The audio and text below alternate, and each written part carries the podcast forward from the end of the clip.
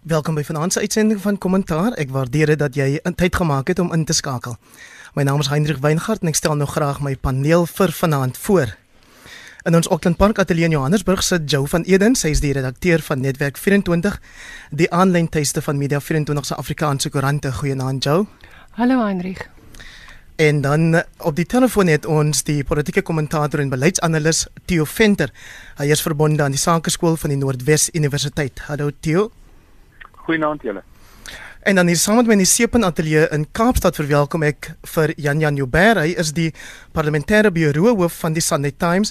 Wat moet ek byvoeg op uiters kort kennisgewing ingestem het om vanaand weer deel te neem nadat 'n ander gas weens 'n persoonlike krisis nie meer kon deelneem nie. Naand Jan Jan. Goeienaand Heinrich en goeienaand luisteraars. Nou jou van Eden, ek gaan met jou begin as een van die twee joernaliste op ons paneel. Kom ek vra jou wat dink jy van die SABC se besluit om nie meer beeldmateriaal op televisie te vertoon van betogers wat staatseiendom vernietig nie. Hanrich die besluit ehm um, bevestig maar amper die die ANC se diskurs van die goeie storie wat vertel moet word. So die die SAK dring blykbaar ook nou daarop aan om 'n goeie storie te vertel. Die media se speel, dit is ons verantwoordelikheid en ons werk om vir mense te wys wat gebeur in die wêreld waarin hulle leef.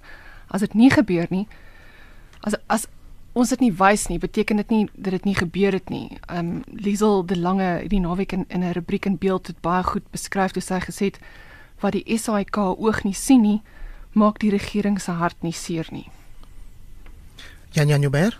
Ja, ek stem saam met jou natuurlik. Um dit is kommerwekkend dat ons terugkeer na 'n sensuurbeleid soos wat ons laat in die 1980s gehad het en dit is vir my ironies en dit word telkens meer ironies en meer waar dat ons huidige regering so hard probeer om die regering waarteen hulle geveg het presies na te doen.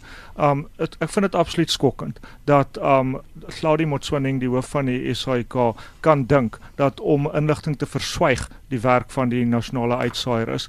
Ek uh, um dit gaan nie help nie. Dit gaan al wat gaan beteken is dat ons gaan onbewus wees van die oplaaiende spanning in gemeenskappe van ons land wat nie na geluister word nie. Die enigste manier waarop daardie mense na geluister word is wanneer mense van hulle kennis neem, soos wat ons gesien het met die afbrand van die skole in Wuhan. En ek dink net as jy jou kop in 'n gat steek en dink dat met volstryspolitiek jy enige plek gaan kom, dan dan weet ek nie hoe as jy 'n joernalis nie. Dis 'n skokkende besluit. Theo Venter Ja, die eerste ding wat deur my kop gegaan het was ook die 80er jare spesifiek in die in die noodtoestand um 86 87 waar PW Botha presies dieselfde argument gevoer het, naamlik dat as mense die hele tyd op TV wys, kyk mense dit af. Die groot verskil tussen die 80s en nou is nie die 30 jaar wat verloop het nie, maar die feit dat daar intussen sosiale media ook na vore gekom het, die internet na vore gekom het, 'n soort van 'n media ehm um, kom ons noem dit 'n regime, 'n uh, stelsel met 'n onmiddellikheid wat daar nie was in die 80er jare nie. Met ander woorde, al gaan die SAK of die SABC dit nie uitsaai nie, beteken dit nie dat die oorseese media dit nie gaan uitsaai nie. Beteken nie dat mense dit nie gaan tweet nie. Beteken nie dat dit nie in elk geval in die openbare en in die sosiale ruimte gaan kom nie en ek dink dit gaan net die situasie vererger en nie verbeter nie. Ek dink dis 'n dom styf. Jou van Eden, maar Keiser Ganyago, die SAK se woordvoerder sê wanneer ander optoggangers of betogers hierdie beelde sien, dan spoor dit hulle aan om dieselfde te doen waar die skole afbrand, waar die staatsgeboue afbrand en dis meer. Sien met eintlik daardie vraag baie goed geantwoord met sy verwysing nou na, na hoe die wêreld verskil van hoe dit 20 jaar, 30 jaar terug gelyk het. Die waarnemende DG van die regering se kommunikasiedienste het onlangs gesê die regering het vir die eerste keer bewus geraak van die probleme in Wuhan op op Twitter. Dis waar hulle gesien het hier is 'n probleem, hier's onstuimigheid, hier's groot moeilikheid aan die kom.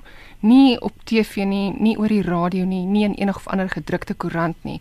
So die die hele um manier hoe die media verander het en en die impak van sosiale media beteken dit dat ons lankal nie meer hier sit met 'n eenrigting gesprek wat beheer kan word deur iemand nie.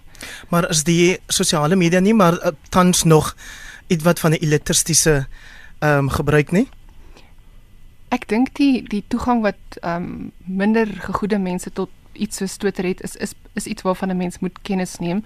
Maar ek dink nie mense moet die krag van Twitter onderskat nie en jy moenie die krag van enige ander sosiale media vorm onderskat nie en, en dikwels is dit die boodskap wat uitkom op sosiale media wat op ander tradisionele um media platforms verder geneem word. Maar ons is gelukkig Jan Jan Joubert dat hierdie regering waarvoor jy so lief is nog nie enigsins gepraat het in die in die lyn van enige beperkings op sosiale media of internetbeperkings nie daarom dat televisie dalk nou geteken word. Wel, ek dink nie eintlik ons regering het die vermoë om um dit te beperk nie. Ek dink hulle sou bitter graag wou en ek sou sê um hoekom ek sou sê is omdat presies wat ons nou bespreek. Um as as 'n mens kan dink dat die SAIK eintlik vir mense kan jok want um, as ons in die geskiedenis as vakwetenskap kyk dan sê hulle ou mission weglating is die grootste misdaad in geskiedskrywing. Behalwe dat die SAIK sê hulle gaan nie nie verslag doen nie, hulle gaan net nie al hierdie beelde vertoon nie. Weet jy Heinrich, ek dink hulle praat te veel en sê te min.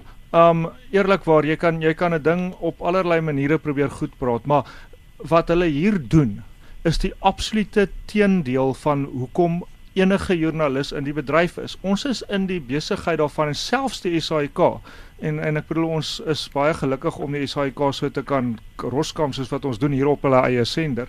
Maar um selfs die SAIK is tog daar om inligting te verskaf, nie inligting te verswyg nie. En dis sommer onsin dat mense gaan nou skole afbrand omdat ander mense skole afbrand. Dit is nie moeilik om 'n skool ek sê ek het dit nou nog nooit probeer nie, maar ek seker is nie so moeilik om 'n skool af te brand.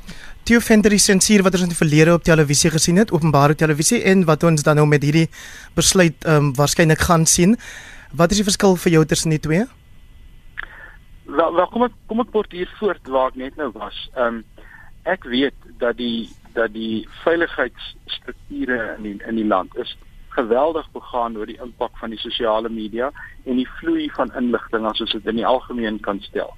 Ehm um, en hulle het alself gekyk na die impak byvoorbeeld as vir alles mens dit elitisties wil noem, dan gaan kyk mense na die impak van Feast Must Fall wat geskuif het binne ure van een universiteit in die suide tot al die universiteite in die noorde. Ehm um, dan kan 'n mens vinnig sommer ook net noem dat 'n regering het al in Tunesië geval met Blackberries deur studente wat nie werk gehad het nie en wat gekommunikeer het en wat so effektief was dat 'n regering tot val gekom het. So ek dink hierdie poging as jy vir my vra, dan is dit meneer Saudi Motsoeneng wat een van die kornuite is van van die die president en wat spesifiek beskerm word deur meneer Ismagishule en 'n paar ander ouens wat eenvoudig 'n klein bietjie politieke kapitaal gaan probeer koop het eers. Maar vir die res dink ek en wat ek dit net nou gesê, ek dink dit is gewoon 'n domskuif in hierdie tyd waarin ons lewe. Chou van Eden die ANC se woordvoerder Zizi Kotwa sê hierdie ge, jy weet getruggryp na die apartheids daar of die kritiek teen die SAK dat hulle sou teruggryp na die apartheids wetgewing van destyds is 'n strooipop. Dit is net 'n bangmaak storie. Daar's geen vergelyking die Theo het nou nie geantwoord ook om gevra het ehm um, wat is die verskil tussen toe mense destyds betoog het of dan nou optogte gehou het om 'n nuwe bedeling te bewerkstellig, 'n demokratiese bestel en menseregte daarmee saam en vandag waar mense so ver gaan as om skole af te brand omdat daar nie voldoende dienste gelewer word op plaaslike vlak nie. Ander mense kan ook nie nou willekeur besluit wanneer jy apartheid nader sleep as 'n verskoning en wanneer nie, wanneer dit jou pas en wanneer nie en dit dit is presies wat hier gebeur. Om net te sê nee, wat dit is net 'n strooipop of nee, wat dit is net 'n verskoning, bangmaak storie of iets. Môre oor môre is daar weer 'n storie wat wat wat breek en dan hoor ons weer die eintlike rede hoekom dit gebeur het is apartheid se se skuld. So dit is nie 'n argument wat jy kan gebruik of nie kan gebruik nie. Die hele kwessie rondom menseregte is natuurlik baie belangrik, want nie net die sosiale media landskap of die media landskap het verander nie, maar die feit dat mense se regte anders lyk as wat dit gelyk het voorheen en die die feit dat, dat daar um, bepaalde wetgewing in in plek is om mense te beskerm, sê dat ons in 'n ander omgewing verslag doen. En dit plaas 'n verantwoordelikheid op ons, maar ons ons moet mense on, ons hoef nie mense te beskerm nie, maar ons moet verantwoordelikheid wees verantwoordelik wees in ons verslaggewing en ons kan net verantwoordelik wees in ons verslaggewing as ons die volle storie vertel. Theo Venter, is daar enige verantwoordelikheid wat rus op die die mense wat dan nou brandstig of die mense wat vernietig, die mense wat ongelukkig is oor dienste, betogers, protesteerders? Weet jy, ek dink dis 'n baie moeilike vraag wat jy vra want in 'n sekere sin het hulle weinig om te verloor. Ek dink 'n mens moet jou partykeer indink in die posisie waarin hulle hulle self bevind. Ehm um, of dit nou is dat hulle sonder water was of dit is dat hulle bang is dat die nuwe struktuur waaraan hulle plaaslike regering gevestig moet word, ehm um, uit tradisie uit vir hulle sê dat hulle gaan tweede kom vanweë etniese verskille en daar's daar's 'n daar's 'n lang lys van goed wat mense magteloos maak. En die oomblik wat jy daai posisie bereik uh, in die in die politiek, met ander woorde 'n posisie van relatiewe deprivasie dat jy eintlik vir jouself geen ander opsies nie, dan word geweld eintlik 'n konstruktiewe en nie 'n destruktiewe optrede nie. Dit die uitkoms is destruktief, maar dit maak ten minste dat die mense luister. En nou is die interessante ding, dis 'n kultuur wat binne in die ANC gevestig het vir baie jare. En een van die interessanthede is toe ons beweeg het van die ou bedeling na die nuwe bedeling en ons weet dat die ou bedeling was baie suksesvol uh hoe swart townships onregeerbaar gemaak is, rolling mass action, al daai goeders het effektief daartoe meegebring dat ons uiteindelik moes onderhandel oor 'n nuwe bedeling. Maar die ANC het in sigself bitter min gedoen om die kultuur te verander wat dit veroorsaak het. So die kultuur is nog steeds vaardig binne in die ANC. Dis hoekom die EFF so goed doen in die parlement in terme van hulle destruktiewe optrede want hulle het dit binne in die ANC geleer. Dit was deel van hulle politieke skoling, hulle sosiale skoling binne die ANC en ek dink daar lê waarskynlik een van die grootste transformasies vir Suid-Afrika. En dit is om die aard van ons politieke kultuur aan te pas meer na 'n konstruktiewe as 'n destruktiewe een, maar dit gaan verg dit wat beide Jan Jan en um, ek sien ek sien jy's by die ouens hulle werk moet doen dat hulle beter moet bestuur.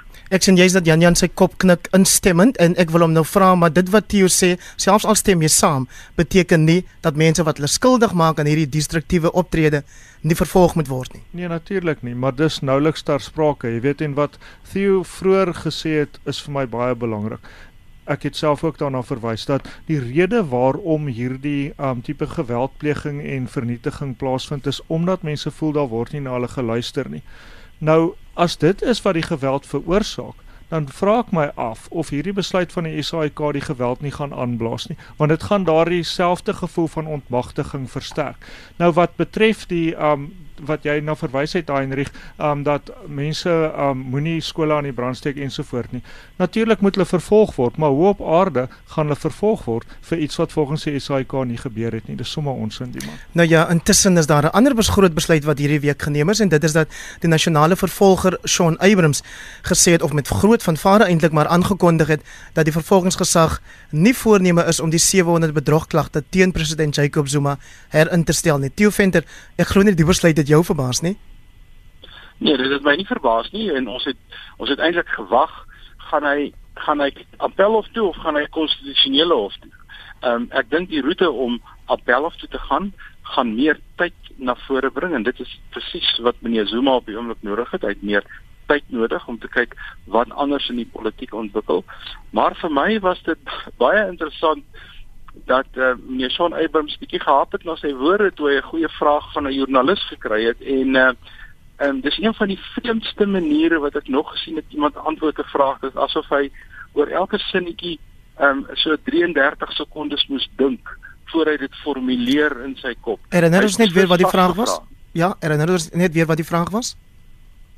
Die vraag was toe die kwessie van generaal Ndluli uh, na vore gekom het naamlik dat ehm um, die appelhof het beslis dat ehm um, van die van die optrede van die nasionale vervolgingsgesag kan hersien word deur 'n hof en daar is 'n bepaalde proses wat deur die howe gevolg is. Waarom het julle dit nie in hierdie geval ook gevolg nie? En hy moes hy moes verskriklik generies en lankdradig antwoord uh oor waarom hy dit nie kon volg nie want uh, en dit het eintlik gewys dat hierdie um, optrede van hulle is maar eenvoudig net 'n koop van tyd. Uiteindelik gaan die saak ook konstitusionele hof toe, daar's geen twyfel daaroor nie. En wat voorsien jy Jan Janouber as dit by die konstitusionele hof kom? Ek voorsien dat die nasionale vervolgingsgesag weer gaan verloor en dit is omdat meneer Abrams so oninspirerend en swak as wat hy tans oorkom, um die hele punt gemis het in verband met daai vraag waar hy so klei getrap het, naamlik hy het die beginsel misgekyk.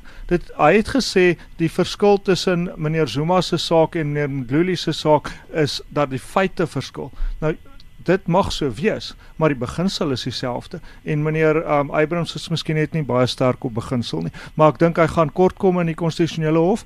Jy weet Alleen Matthee het op 'n stadium geskryf dat um so dat die wêreld bestaan uit de mekaar makers en aan die kant makers. En solank as wat die aankant makers in die meerderheid is, gaan dit goed en solank as wat die de mekaar makers in die meerderheid is, dan gaan dit sleg. Ek dink meneer Eybrams is nie 'n aan die kant maker nie. En ek dink ons is op hierdie stadium in ons land in 'n situasie waar ons eintlik gelukkig is in dat ons groot etiese besluite het om te neem. Ons gaan nou-nou praat oor meneer Pravin Gordhan en so voort. Maar daar's op hierdie stadium 'n spul aan die kantmakers in hierdie land en hulle probeer rommelstatus keer, hulle probeer korrupsie teenwerk, hulle probeer die regte ding doen. En dan is daar ander mense wat geld mors en wat um allerlei jakkalsdraaie gooi om uit die hof uit te bly en so voort. Hulle is die de mekaar makers. Joe van Eden dink jy ook hierdie is nog 'n irrasionele besluit? Ja, ek dink Jan Jan gebruik die mooiste woord al is nou 'n woord wat hy geleer geleen het by by Darlene Matthea aan die kantmaker en, en as jy kyk na na die na die hele um, staatsmasjinerie dan dan is staatsamptenare is is tradisioneel vaardige, opgeleide, konsekwente aan die kantmakers, mense wat wat sorg dat die staatsmasjinerie geolie word. Maar maar die oomblik wanneer daar 'n politieke klankie of 'n politieke kleur rondom hulle uh, optrede um, na vore tree, dan dan het ons probleme en en ek dink ons is nou al verby die punt wat wat ons die vraag kan of moet vra is hier enige politiek betrokke. Theo is heeltemal reg in, in in sy ontleding daarvan dat hier uit en uit vir tyd gespeel word. Jan Jan Joubert intussen is daar 'n grootse plan om aan die kant te maak in die parlement met die nuwe reëls wat hierdie week aanvaar is. Hmm, sal maar sien of dit werk, jy weet. Um Ja, ons ons sal kyk. Daar's um daar's allerlei goed wat nou strenger gaan wees. Um soos byvoorbeeld um lyk my ons gaan nou almal deursoek word elke keer wat ons ingaan. Jy weet ek gaan omtrent 15 keer 'n dag in en uit. So ek weet nie hoe's dit nou moontlik nie. Maar nou ja, nuwe besemsfees skoon. Uiteindelik sal dit baie help as 'n paar basiese goed reg gedoen word. Ek dink die EFF is 'n bietjie van 'n handvol. Daar's nou geen twyfel daaroor nie. Hulle het ook nie ingestem tot hierdie reëls nie, so ek dink nie hulle gaan dit eintlik volg nie. Maar um die grootste probleem myns insiens in verband met orde in die parlement is die absolute bevooroordeeldheid uit die voorsitterstoel. Spesifiek die spreker, die adjunk spreker, die voorsitter van die Raad van Provinsies en haar adjunk is so pro die ANC, so verstommend teen die oppositie dat hulle kan nie respek inboesem nie. Hulle moet eerder vir hulle eie deur vee voordat hulle nou weer nog mense wil aanrand en nog bouncers wil aanstel. Wat voorsien jy Theo Venter as jy langtermyn implikasies van hierdie nuwe wetgewing duidelik gemik teen die EFF of sogenaamde oproerige LPs en ons weet weet wie hulle tot nou daan skuldig gemaak het. Die langtermyn implikasies? Nee, die langtermyn implikasies gaan wees dat dit moeiliker gaan word om die soort optrede uit te voer waarvoor die EFF nou bekend geword het in die laaste jaar of twee. Maar hierdie ehm um, proses sal aangaan totdat daar uiteindelik een of ander besluit binne die ANC geneem is. En en ek stem met met Jan Jan saam. Swak leiding aan die parlementêre kant. En een van die ironieë daarvan is ek weet dat Tandi Modise glad nie veilig en gemaklik voel binne in die Zuma kamp nie maar desnieteenstaande is sy eintlik probeer sy soort van 'n sterk persoon handhaaf wanneer sy in die stoel sit. Maar uiteindelik gaan dit seermaak wanneer die parlementêre besluite parlementariërs se salarisse begin beïnvloed en die soort van goederes en dan dink ek sal daar 'n soort normaliteit kom, maar vir die korttermyn dink ek dit gaan aan. Joe van Eden, dis nou 18 minute oor 8 en in die nasionale vergadering is daar ook die afgelope week die veelbesproke onteieningswet aanvaar. Dit het in doel om die gewillige koper gewillige verkoper wetgewing te vervang wat wyd as oneffektief beskou is of word. Maar nou sê die Instituut vir Rasseverhoudinge die nuwe wetgewing is ongrondwetlik en daar is be wel bekommernis dat die verkoopwaarde nie genoeg sal wees om byvoorbeeld boere se banklenings te dek nie. Jou indrukke? Henry, hier is nogal 'n uh, uh, ernstige saak en dit, dit sluit op 'n manier ook aan by jou vorige vraag rondom reëls in, in die parlement. Jy weet, dit is baie moeilik vir gewone mense wat 'n persepsie vorm rondom wat in die parlement gebeur en dan moet hulle lees van wetgewing en en hoe versoen jy die gehalte van die wetgewing wat uitkom uit 'n omgewing wat so absoluut chaoties is. Daar's ander kwessies rondom die onteieningswet wat wat ook 'n bron tot kommer is en dit is byvoorbeeld dat dat die wet nie baie duidelik aandui wat eiendom is nie. So van van die mense wat gekyk het na die wet, ehm um, beweer dat dit selfs kan dui die term eiendom soos die wet nou geskryf staan op pensioenfondse. Ek bedoel dit dit is 'n geweldige um, bron van bekommernis. Jan Jan Joubert sien nie wat gebeur as jy 15 keer 'n dag in en uit daar by die parlement. Ja, nee, kyk, jy, jy gaan deksels baie tyd mors as, as op 'n nuwe manier. Nee, um, ek het die onteieningswet redelik wel geweldig um in detail gevolg en ek stem nie saam met die instituut vir rasse aangeleenthede dat um dat dit ongrondwettig is nie trouens glad nie. Um 1975 wet die een wat vervang is deur hierdie wetgewing en wat basies vir die regering kaart blanche gegee het om te doen wat hulle wou. Um dit was ongrondwettig, maar ek dink um eerlikwaar Dr. Anthea Jeffrey wat 'n fenominale kenner van 'n klomp goed is, het hierdie keer die bal misgeslaan. Um ek stem saam met Anshin Dreyer van die DA dat van die definisies en dis waarna Joe verwys het 'n bietjie eng is. Maar ek wat ek wel wil sê is dat mense moet asseblief um veral die mense in landelike gebiede moet hierdie wet net gaan kyk want um dis 'n baie gedetailleerde wet. Dit sê presies wat um op watter tye moet gebeur as grond onteien gaan word en dit sê basies dat grond net om twee redes onteien kan word. Die een is in die openbare belang Um dit is basies grondhervorming en die ander is um vir 'n openbare doel. Dit is om byvoorbeeld 'n pad te bou of 'n kraglyn aan te lê of so. Uh, die groot verandering op die 1975 wet is dat die regering nie meer arbitrêr um kan besluit hoeveel geld jy kry nie. Dit is juis nou grondwetlik in dat uiteindelik as daar 'n meningsverskil is, dat die hof is wat moet beslis en dat dit markverwant moet wees. Theo Venter, wat hoor jy op die grond wanneer jy praat met boeregemeenskappe? Nee, daar is daar is groot onsekerheid oor die wetgewing, maar ek stem met Jan Jan saam. Ek het ook gekyk na die na die wetgewing en ek is ook van mening dat 'n nuwe wet was nodig. Onthou hierdie wet was eintlik geoormerk om in 2009 begin van 2010 eintlik al te dien en deurgevoer te word, maar die sokkerwêreldbeker was so 'n dwingende saak dat dit eintlik oorgestaan het. En uh, en nog steeds die belangrikste deel van die wet is die howe kan dit nog steeds toets en ek dink ons sit met 'n moderner wet, 'n konsolidering van 'n klomp ander wette. Dit was in elk geval nodig om plaas te vind, maar die definisie oor wat eiendom is, dit gaan nog 'n rukkie ry en hoe gouer hy getoets word, hoe beter. Jy luister na kommentaar hier op RSG 100 tot 104 FM saam met my Hendrik Weingart en my gaste vanaand Theo Venter, Joe van Eden en Jan Jan Joubert. Nou Joe, die 4 dag lange voormalige minister van Finansies, meneer Des van Rooyen is weer in die nuus hierdie keer oor 'n berig wat Vrydag in die Mail and Guardian verskyn het, naamlik dat hy en sy gesin sedert sy aanstelling as minister van plaaslike regering in 'n butiekhotel in Pretoria gehuisves word. Wat is die storie dat ministers en LPs in hotelle moet bly 20 jaar die nuwe bedeling in asof ons nie weet hoeveel huisvesting nodig is nie? Hierdie hierdie is maar net 'n klassieke geval wat wat vir mense wys eh, jy jy kan jy kan binne die wet optree, maar jy kan nog steeds oneties of immoreel optree.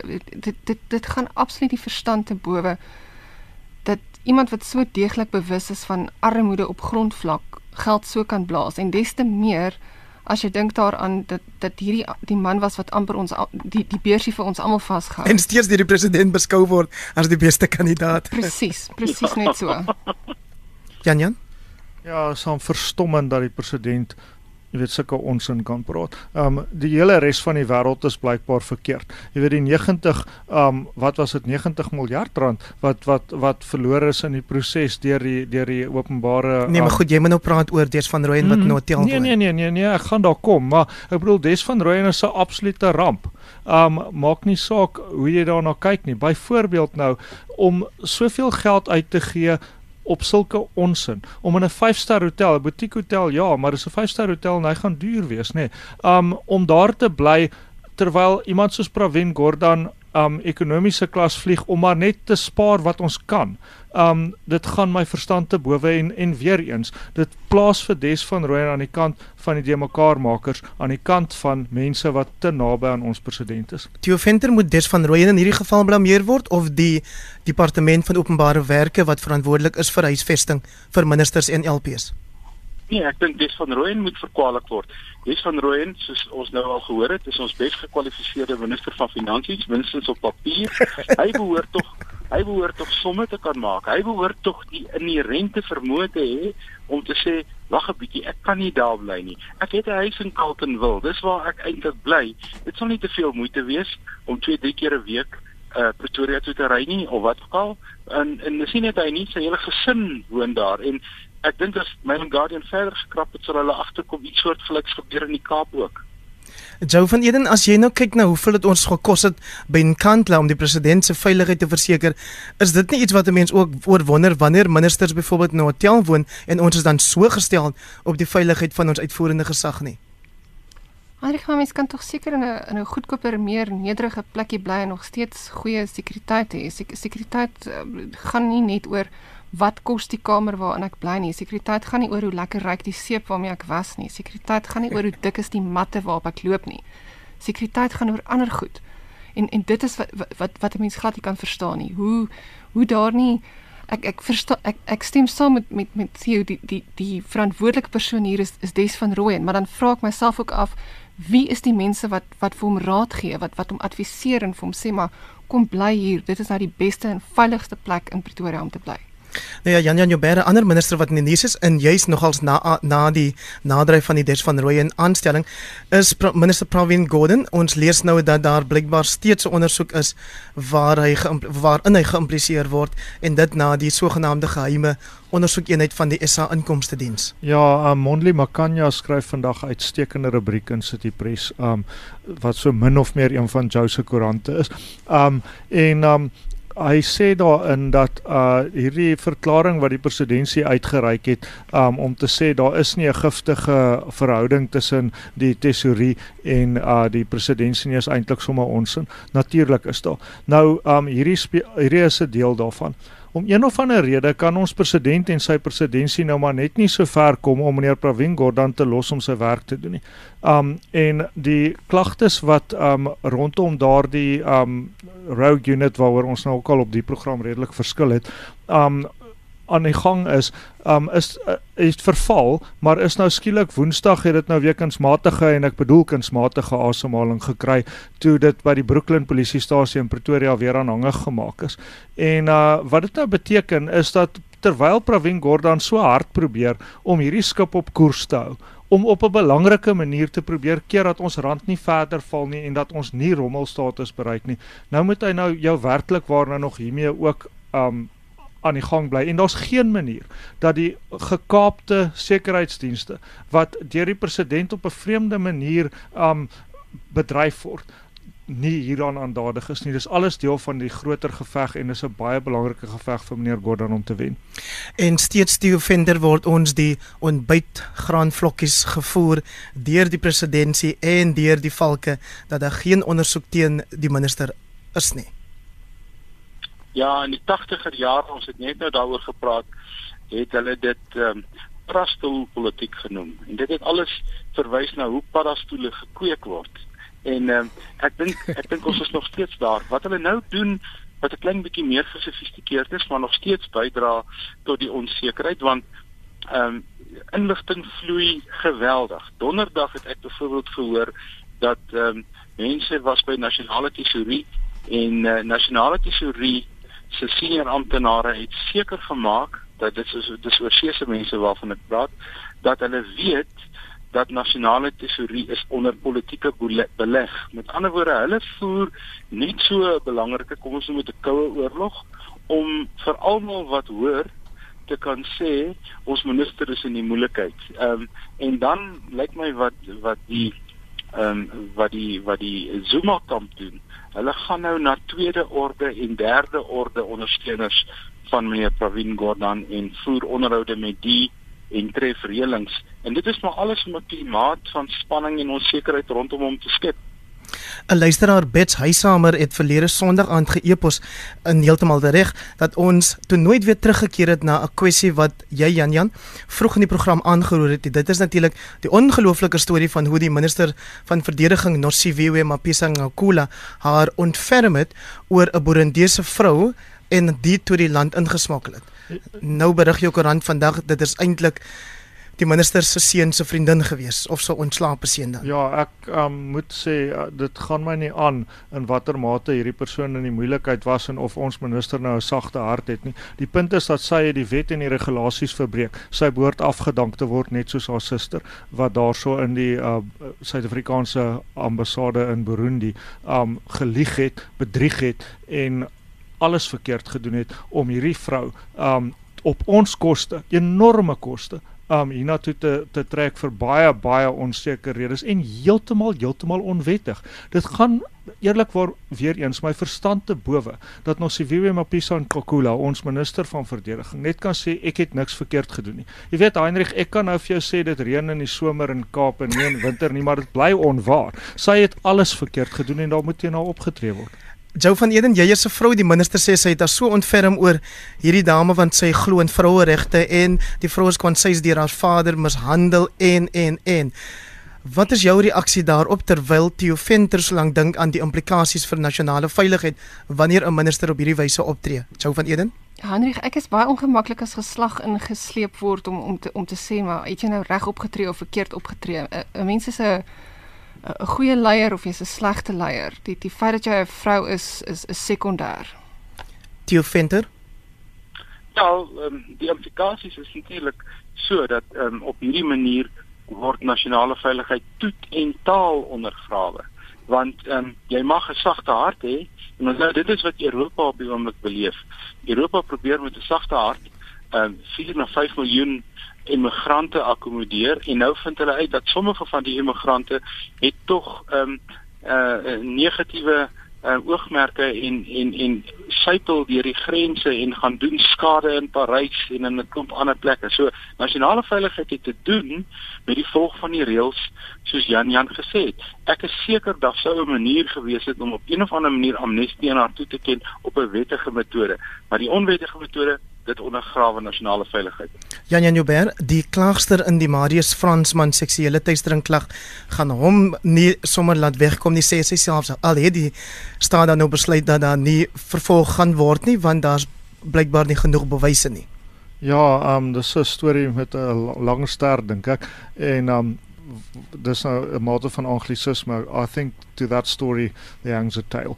Um en um daar was baie goeie onderhoud met haar gewees deur Hanlie Retief vandag in rapport um waar ek gedink het sy baie goed uitgekom het. Um sy het op my 'n baie goeie indruk gemaak um oor meneer Fransman en oor die hantering um van die saak deur die Noordwes polisie en die Noord-Kaapse polisie daaroor moet ons dalk maar swyg maar um, ek het nogal empatie gehad met die klaagster se se se stelling dat party mense blykbaar dink dat hulle bo die wet is.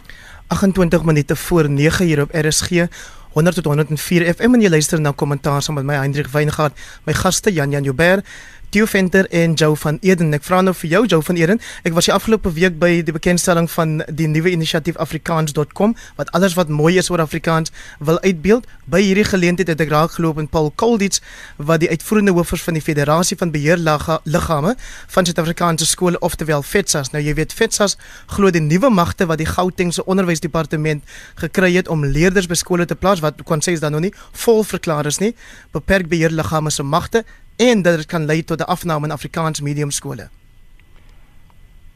Maar ek net om om om om weg te spring daarmee afrikaans.com se stigting is natuurlik een een van die ehm um, hoogtepunte dink ek wat uh, rondom wat met Afrikaans aan aan die gang is want ons sit hier met met 'n ehm um, 'n saamkom van almal wat omgee vir Afrikaans en en ek dink dit is iets wat ons met met belangstelling ehm um, kan, kan dophou en kan sien wat hulle in in die toekoms kan doen.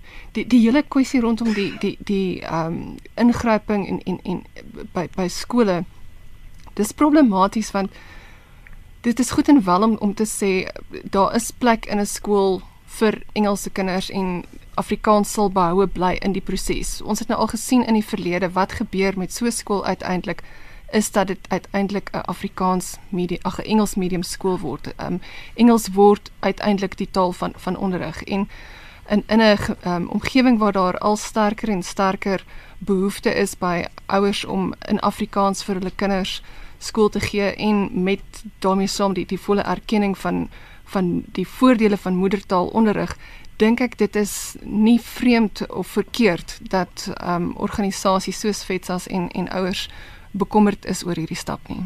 Oud onderwyser Jan Jan Joubert Ja, ek um, voel nogal sterk oor hierdie kwessie um en miskien 'n bietjie anders as baie ander mense. Ek het gedink die beriggewing daaroor in rapport vandag was absoluut uitstekend. Um dis nie heeltemal so eenvoudig as dat wanneer Engelse kinders in 'n skool inkom, word die skool eentalig Engels nie. Ek dink wat baie belangrik is, is dat mense 'n bietjie minder kyk na wat ander mense doen en 'n bietjie meer kyk na wat hulle doen.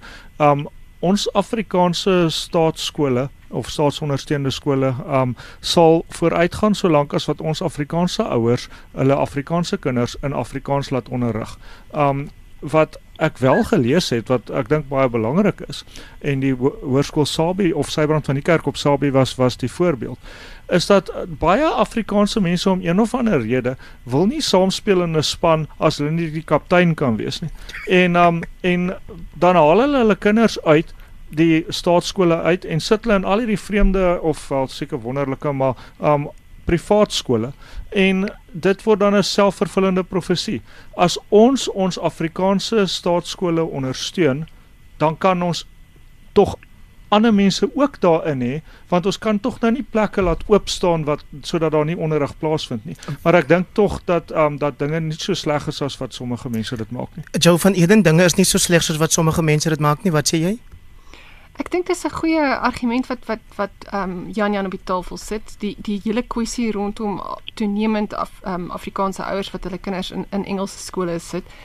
En en dit laat dink my uh, aan die geval 'n hele paar jaar terug. Ek weet nie of julle sal onthou seker toe in 'n stadium was daar klagtes gewees um, omdat eh, 'n uh, groot winkel uh, kettingwinkelgroep ehm um, besluit het om nie meer Christen tydskrifte op uh, ja. op hulle rakke beskikbaar te stel nie. Maar niemand het dit goed gekoop nie. So dit dit gaan oor vraag en aanbod. En en ek dink ehm um, Jan Jan sit hier 'n geldige argument op die tafel om te sê maar as jy dan so ernstig is oor Afrikaans, ondersteun dit en ondersteun dit op die plekke waar dit regtig saak maak. Theo Venter, ek dink Spaans sprekende Amerikaners is net so bekommerd soos Afrikaans sprekendes hier by ons want Donald Trump, die eienaarsmagnaat en televisiepersoonlikheid is nou amptelik aangewys as die Republikeinse party se kandidaat vir die Amerikaanse presidentsverkiesing. Ja, ek het donderdag die voorreg gehad om 'n klomp akademiese of 'n klomp Amerikaanse studente en uh akademici wat saam met hulle gekom het toe te spreek. En ehm um, ek het my in 'n baie interessante gesprek in vasgeloop. Ek het gedog ek gaan hulle oor Suid-Afrika vertel. Ek begin hulle vir my vra te vra, "Wat is die toekoms van Amerika?" Want sê hulle vir my, hulle het nou twee kandidate. Hillary Clinton gaan dit maak en dan natuurlik Donald Trump het dit gemaak. Die twee onpopulairste kandidate in jare. Vir hmm. wie moet hulle stem? Dis net nou welkom in die wêreld van moeilike besluite want dit is waarmee ons nou al lankal opgeskeep sit. Die interessante ding is dat die ehm, 'n um, bekende persoon sê vir my die middelamerikaner Hy noem hulle die die die Amerikaners wat die drie G's ondersteun. Die eerste G staan vir God, die tweede G staan vir guns en die derde G staan vir gold. Hulle is die Trump mense. Hulle is die mense wat vir Trump wil hê. En nou het daar 'n baie baie interessante situasie ontstaan. Sê van Scotland Trump en Bernie Sanders. Ehm um, is op die ticket of op die veldtog om Washington se houvas op Amerika 'n klein bietjie onder onder onder verdenking te plaas. Hillary Clinton is 'n Washington is 'n kom van binne die Beltway. Dit is die ringpad wat om Washington DC gebou is. En dit hulle sê vir my, hulle gevoel is dat die Bernie Sanders demokrate wat nie gelukkig is met Hillary Clinton nie, gaan waarskynlik vir Donald Trump stem wat hom dan by verstek amper die Amerikaanse president maak. So dis 'n baie interessante scenario, iets wat ek nie van hou nie want ek is een van die mense wat ruiterlik gesê Donald Trump is 'n joke, maar lyk my uiteindelik gaan 'n grappige president word.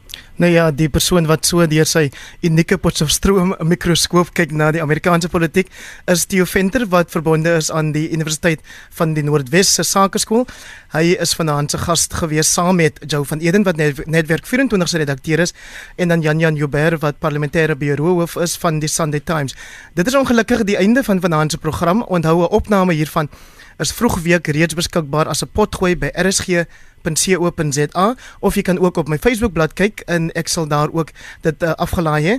Dankie vir almal wat getrou inskakel en van my Hendrik Weingart groete tot volgende Sondag dieselfde tyd.